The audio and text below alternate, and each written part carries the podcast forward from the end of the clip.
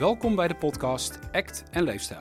Leuk dat je luistert. In deze podcast nemen Heidi Stiegelis, wetenschapper, trainer en oprichter van het Act en Leefstijl Netwerk, en Sonja Kramer, eigenaar van Gezonde Leefstijlcoaching, jou mee om op een andere manier naar het bevorderen van een gezonde leefstijl te kijken. Op een manier die echt werkt.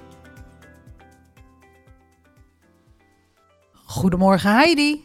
Goedemorgen Sonja. Dat is wel grappig, want wij zeggen goedemorgen, want het is ochtend. Maar iemand kan het ook s'avonds luisteren. Ja, dat is waar. Dan is het goede avond allemaal.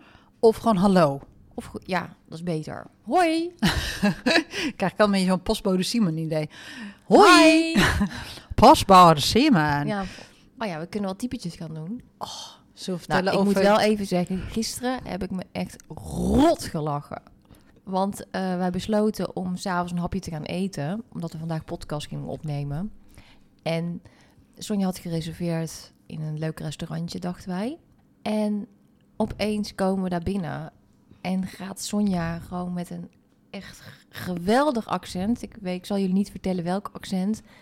Keihard daar binnenkomen en vertellen van zeggen dat ze een reservering heeft. Ik heb echt gegierd en ze bleef gewoon echt tot het bestellen in die rol zitten. Nou, en al die mensen kijken. Ja, is schaamte. Ik dacht, oh nee. Maar aan de andere kant had ik onwijs plezier. Dus ik dacht, waar gaat dit heen? Die jongen voelde zich super ongemakkelijk, want het was ook heel hard. Dus die mensen zaten allemaal rustig te eten. En Sonja kwam met het knoeperharde accent binnen. Ja, het was echt gewoon hilarisch gewoon. Ja, hilarisch. Nou ja, dit is best wel dat je gewoon zegt, het was knoephard. Nou, maar ik Het blijkbaar... was echt hard, ja. Al die mensen, die, ook oudere mensen, die dat romantische setje, de heel romantisch diner, die kwamen, zaten achter ons. En iedereen vond het, ja, het was gewoon, ze hebben ons allemaal gezien gewoon ook. Ja, maar nu klinkt het heel asociaal. Nee, het was grappig. Oh, het is Dus vanuit welke context je het bekijkt. Mooi. Ja. Mooi. Vanuit welke context? Nou, het was niet de bedoeling om heel hard te doen, maar we zaten een beetje te grappen, want we zaten, zitten in een, in een eh, ja, hoe moet ik dit noemen? Een, eh, een gemeente waar wij zelf niet vandaan komen. Ja. En daar eh bezigen ja. ze een accent. Ja, En dat probeerde ik, ik probeerde een local te worden, denk ik. Mhm. Even, voor dat moment. ja. Nou, dat was echt heel grappig. Maar ik wist niet dat het zo hard was, sorry. Echt hard. Ja, dat snap ik nu wel, sorry. Ehm, goed, gelachen. anyways, Ja. volgende keer. Ja, ik heb toen ik, toen ik jeugdig was, nog een kindje, Ja. Had ik de Bond voor Onnodig Dialect opgericht. Ik was erelid en tevens enig lid. Ik snap wel waarom. Ja, het is echt, maar je bent wel echt goed in. Dit was zo geloofwaardig. En dit was, ja... Nou, maakt niet uit. Jullie weten ook helemaal niet waar het over gaat. Het is gewoon echt niet grappig. Dit is dan weer niet grappig. Nee, sorry. Maar Utrechts kan ik echt niet. Utrecht. Het, dat is het enige wat ik kan zeggen, de rest niet. Dus dat is voor mij echt een tongbreker. Je weet wat mijn zinnetje is in Groningen. Want ik heb vier jaar in Groningen gewoond. Gaan we niet herhalen. Oké, sorry. Nee, goed. Ehm, we wilden vandaag een, eh, een ja, serieus onderwerp aansnijden. Want we hadden een vraag gekregen van een van de eh, hulpverleners, professionals. Eh, Een fan van de podcast. absoluut. Ja. En zij had ons een mailtje gestuurd. Volgens Ja, mij. Of ja. een berichtje. Sanne, we mogen haar echt wel bij naam noemen. Ja, Ja, oh. deze mogen we altijd open en bloot Oh, gooien. gaaf. Nou, Sanne, maar dan weet ik even niet meer wat precies de vraag was. Want het was wel van hoe zij omgaat met haar cliënt die eh, een borstverkleining graag wil. Maar dat, was een, dat wilde de cliënt heel graag. Ja, Ze moest, maar daarvoor moest ze afvallen. Voor de operatie mocht plaatsvinden, moest 15 kilo afvallen van de specialist. En Sanne gaf aan, hoe ga je om met iemand die volledig waardegericht leeft, bewust eet, waardegericht en bewust sport, het leven inricht op een manier die voor haar belangrijk is en toch niet afvalt. Maar het ziekenhuis verlangt, de specialist verlangt, dat zij nog steeds 15 kilo afvalt voordat zij die operatie mag. Wat voor haar ook heel belangrijk is. Dus ze heeft haar leefstijl omgegooid en leeft nu op een hele andere manier, veel bewuster en waardegericht. En voor het ziekenhuis, die zien natuurlijk niet dat kilo's ervan afvallen. Zij zien niet dat daar een, een leefstijlverandering heeft plaatsgevonden. En de vraag is dus, Ja. hoe ga je dan om met zo'n persoon? Ja, en dan lijkt het erop alsof die uitkomstmaat, die 15 kilo, een, hè, dus of een bepaald gewicht hebben voor die operatie noodzakelijk is. Nou, kijk, ik ben geen specialist, dus ik weet ook niet wat de risico's zijn. van een borstverkleining als je zeg maar eh, ja, bepaald gewicht hebt. Dus dat vind ik een ingewikkelde, omdat ik daar niks over kan zeggen. Mhm. We kunnen wel kijken hoe we Sanne kunnen helpen om hiermee om te gaan en die begeleiding zo goed mogelijk uh, actwise te doen, zeg maar op een manier waar wij, wij denken dat ze daar uh, dat de cliënt daar het goed, goed mee geholpen mee kan zijn, toch? Ja. ja. Ik zou me beginnen met bevestigen. Dat is ook Ja. het eerste wat bij me opkomt. Ja, Bevestigen dat, het, dat ze sowieso een mooie verandering heeft doorgevoerd al. Dat ze op een andere manier is gaan leven voor zichzelf. als ze, dat zelf, als ze dat zelf ook zo ervaart. Ja, dat kan ik niet lezen uit de mail. Exact. Ja. Want dat is natuurlijk wel belangrijk. Mag ik nog één stapje terug? Ja. Ik denk dat het begint bij ons als professional om ons goed te realiseren dat wij dit probleem niet hoeven op te lossen. Het is niet van ons. Mhm. Dus wij hoeven niks te doen met de beslissing. Wij hoeven niks te doen om ervoor te zorgen dat deze mevrouw zich wel goed voelt. Ook al doet zij, eh, voelt zij zich misschien nu niet gehoord door de specialist of mogelijk teleurgesteld omdat ze de operatie niet kan doen. Hè, wij hoeven dat, niet, dat gevoel niet op te lossen. Nee, Dus dat scheelt veel. Ja, dus, Mhm. dus het begint altijd dat je, ja, een cliënt, van, eh, iemand zei van de week in de training even inchecken. En dat vond ik eigenlijk wel een hele mooie.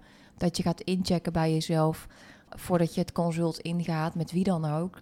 Dat je voor jezelf helder hebt van ja, wat voor jou belangrijke waarden als professional. En misschien ook tegen jezelf zegt dat je de cliënt gaat leren om zelfregie te pakken. En dat is, dat is onze taak, toch? Zo zie ik hem wel. Ja. richting een gezonde leefstijl. En de vraag is, deze cliënt doet misschien al wel dingen, hè, pakt misschien al wel de zelfregie. En daar kan je in bevestigen, dat weten we dus niet. Maar daar zou ik dan wel in bevestigen als ze dat doet. Ja, en nou ga ik een stapje terug. Goh, wat een mooie communicatie zo, hè? Mhm. Eerst jij een stapje terug, nu ik.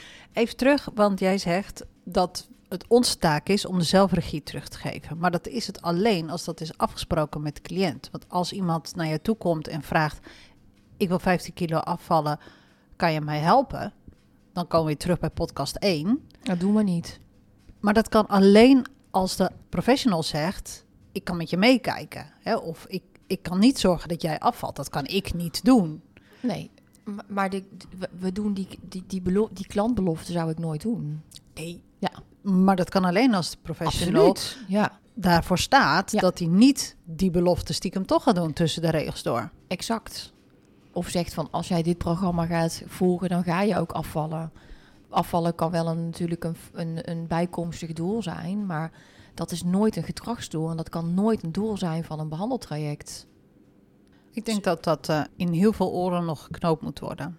Ja, maar dat werkt niet. Het leefstijlprobleem is groter dan ooit. Mensen zijn steviger, dikker of wat dan ook dan ooit. We zijn allemaal eh, gevoelig voor, voor, voor, voor vet, suikerrijk voedsel. En het is gewoon een illusie om te denken dat een afvalprogramma werkt. Als dat zo werkt, zouden wetenwatchers niet zo succesvol zijn. Of de leefstijlcoaches of de diëtisten. Ik zie alleen maar oproepen voor tekort aan diëtisten en leefstijlcoaches. Ehm solliciteer AUB.nl. Ja. Nou, laten we even structuur brengen in, in het verhaal. Hè? Als we beginnen met van dat Sanne of welke professional dan ook, wij zelf of überhaupt als je iemand anders wil helpen. Dat kan ook zijn eh, een vriendin helpen. Hè? Wij als mens. Dat je bij jezelf gaat inchecken, gaat kijken van oké, ik hoef niet het probleem van de ander op te lossen.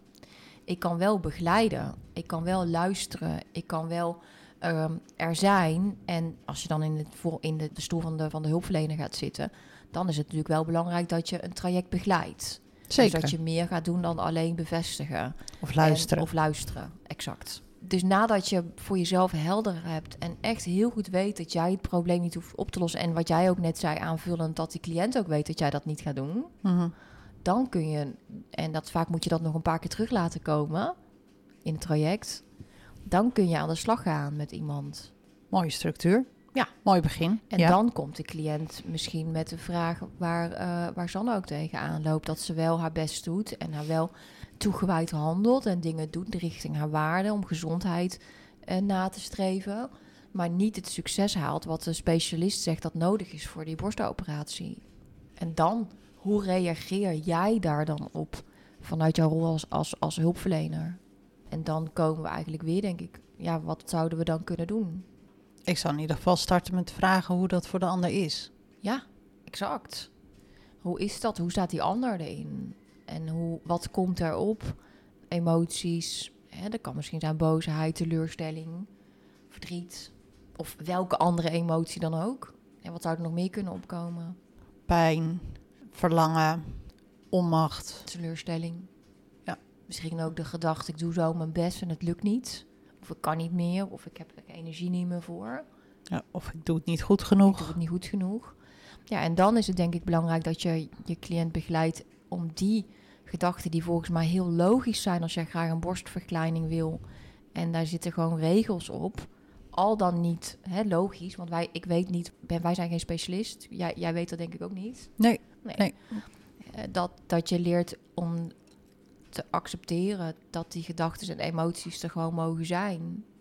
En dat je nog steeds door kunt blijven gaan met hè, gezondheid nastreven. Ja, naast het verlangen wat je wil met de arts van het ziekenhuis.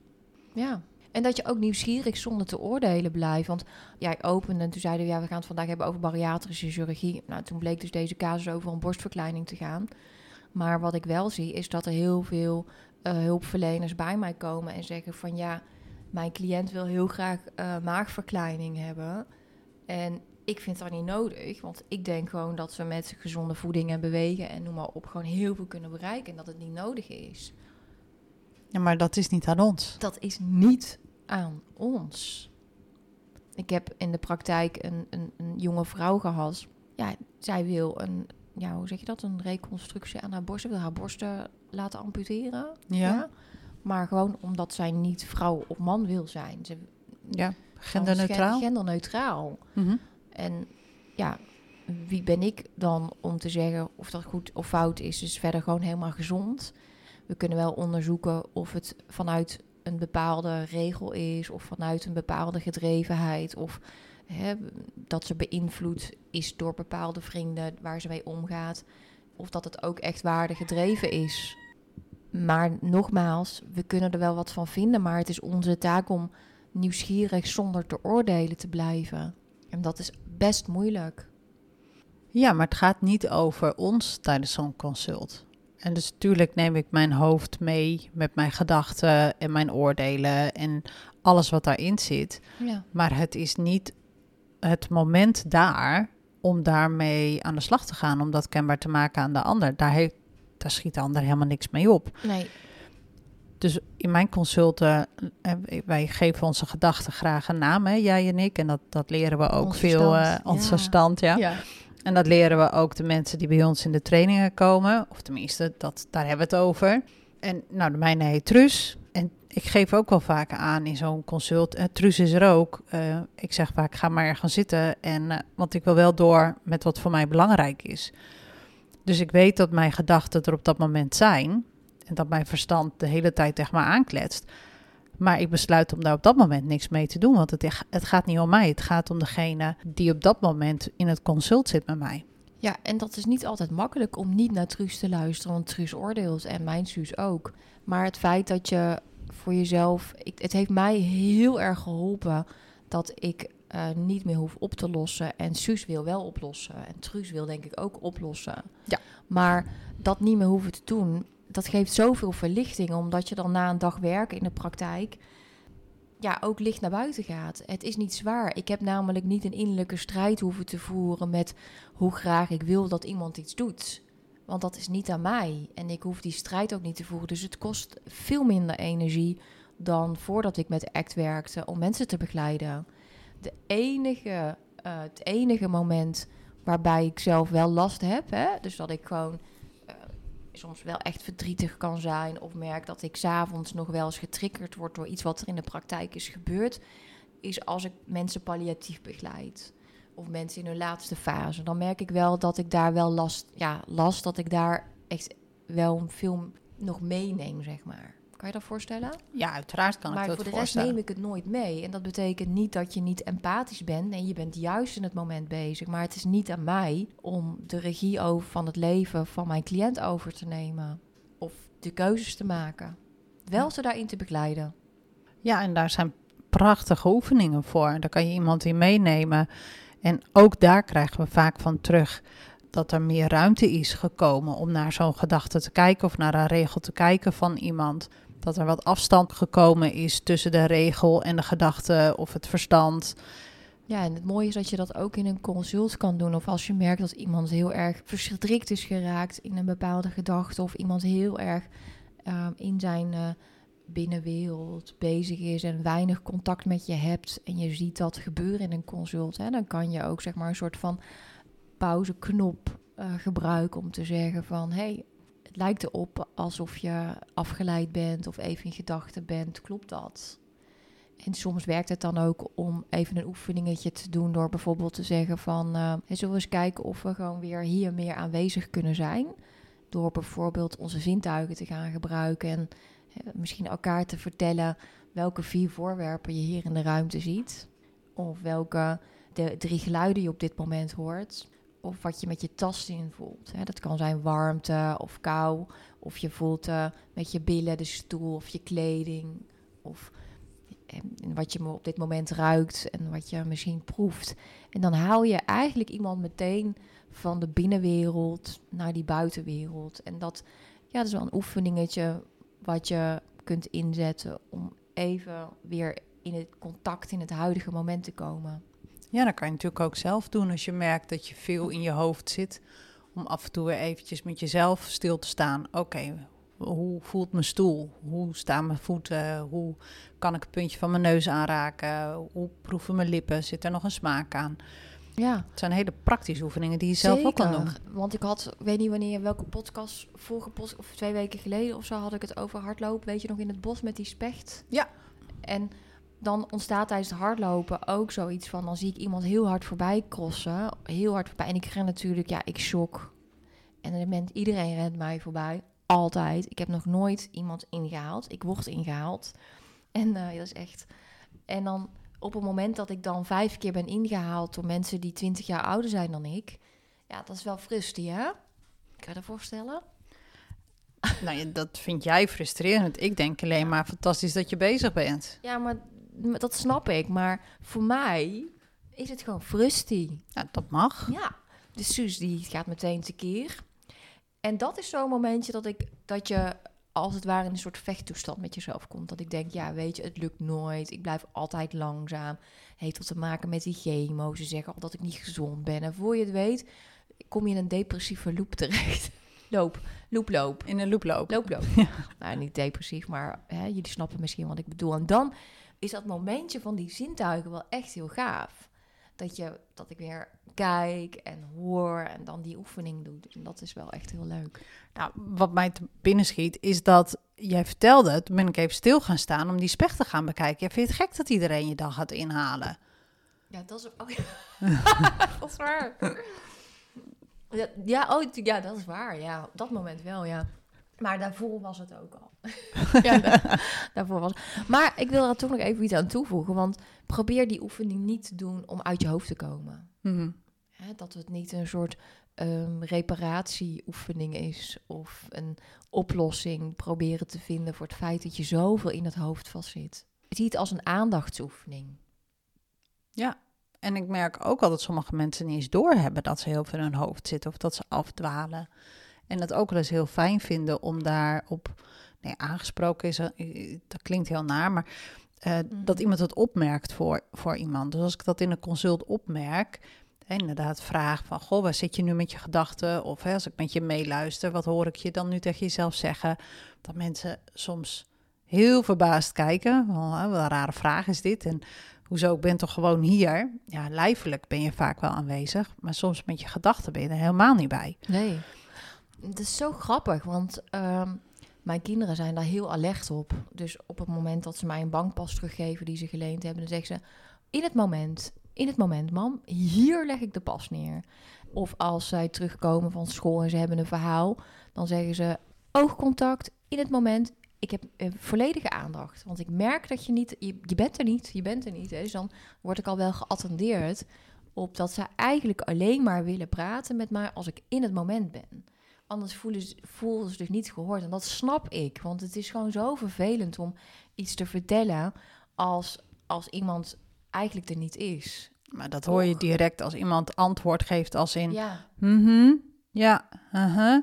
dan weet je al dat iemand er niet is. Bij een training geven is dat best lastig. Want ik probeer wel echt altijd iedereen erbij te houden. Ik vind dat eh, wel echt een heel ja, belangrijk iets. Dat je, dat je toch in contact blijft met elkaar. En dan leer je ook het meeste. Maar van een training, het is knap dat jij dat gaat proberen om de ander erbij te houden. Ik weet dat ik ehm 20% er niet ben.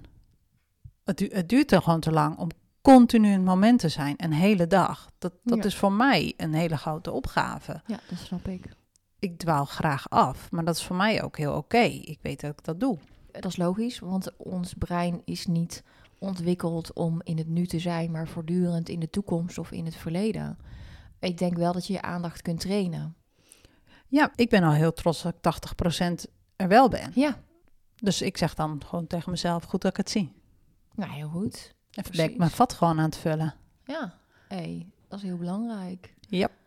Dus ik ben heel trots. is a way of life, hè? Ja, het- ik ook wel bijna in het accent schieten van gisteravond, maar dat gaan we niet maar niet doen. we kunnen wel een quiz doen. Als je raadt welk accent Sonja gisteravond in het restaurant heeft nagedaan, dan... En daar moeten we even over nadenken. Ik kan natuurlijk niet zeggen zonder iets, dus Oh, dan beantwoorden we jouw vraag in de podcast. deal Leuk. bij deze.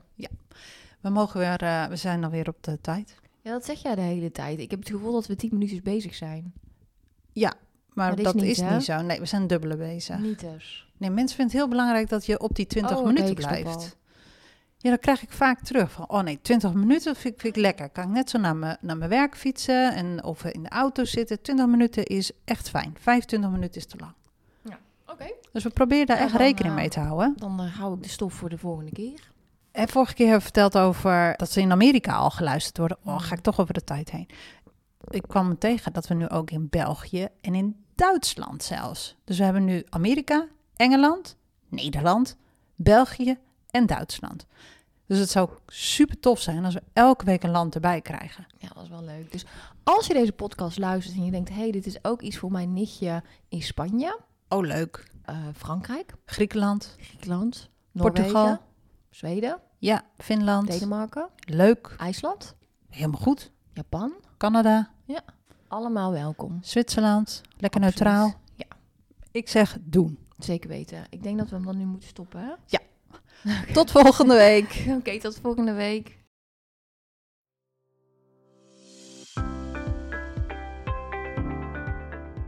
Dankjewel voor het luisteren. Vond je deze podcast waardevol? Of heb jij zelf een vraag voor de podcast? Stuur dan een berichtje via Instagram podcast Act en Leefstijl of mail naar info at act-en-leefstijl.nl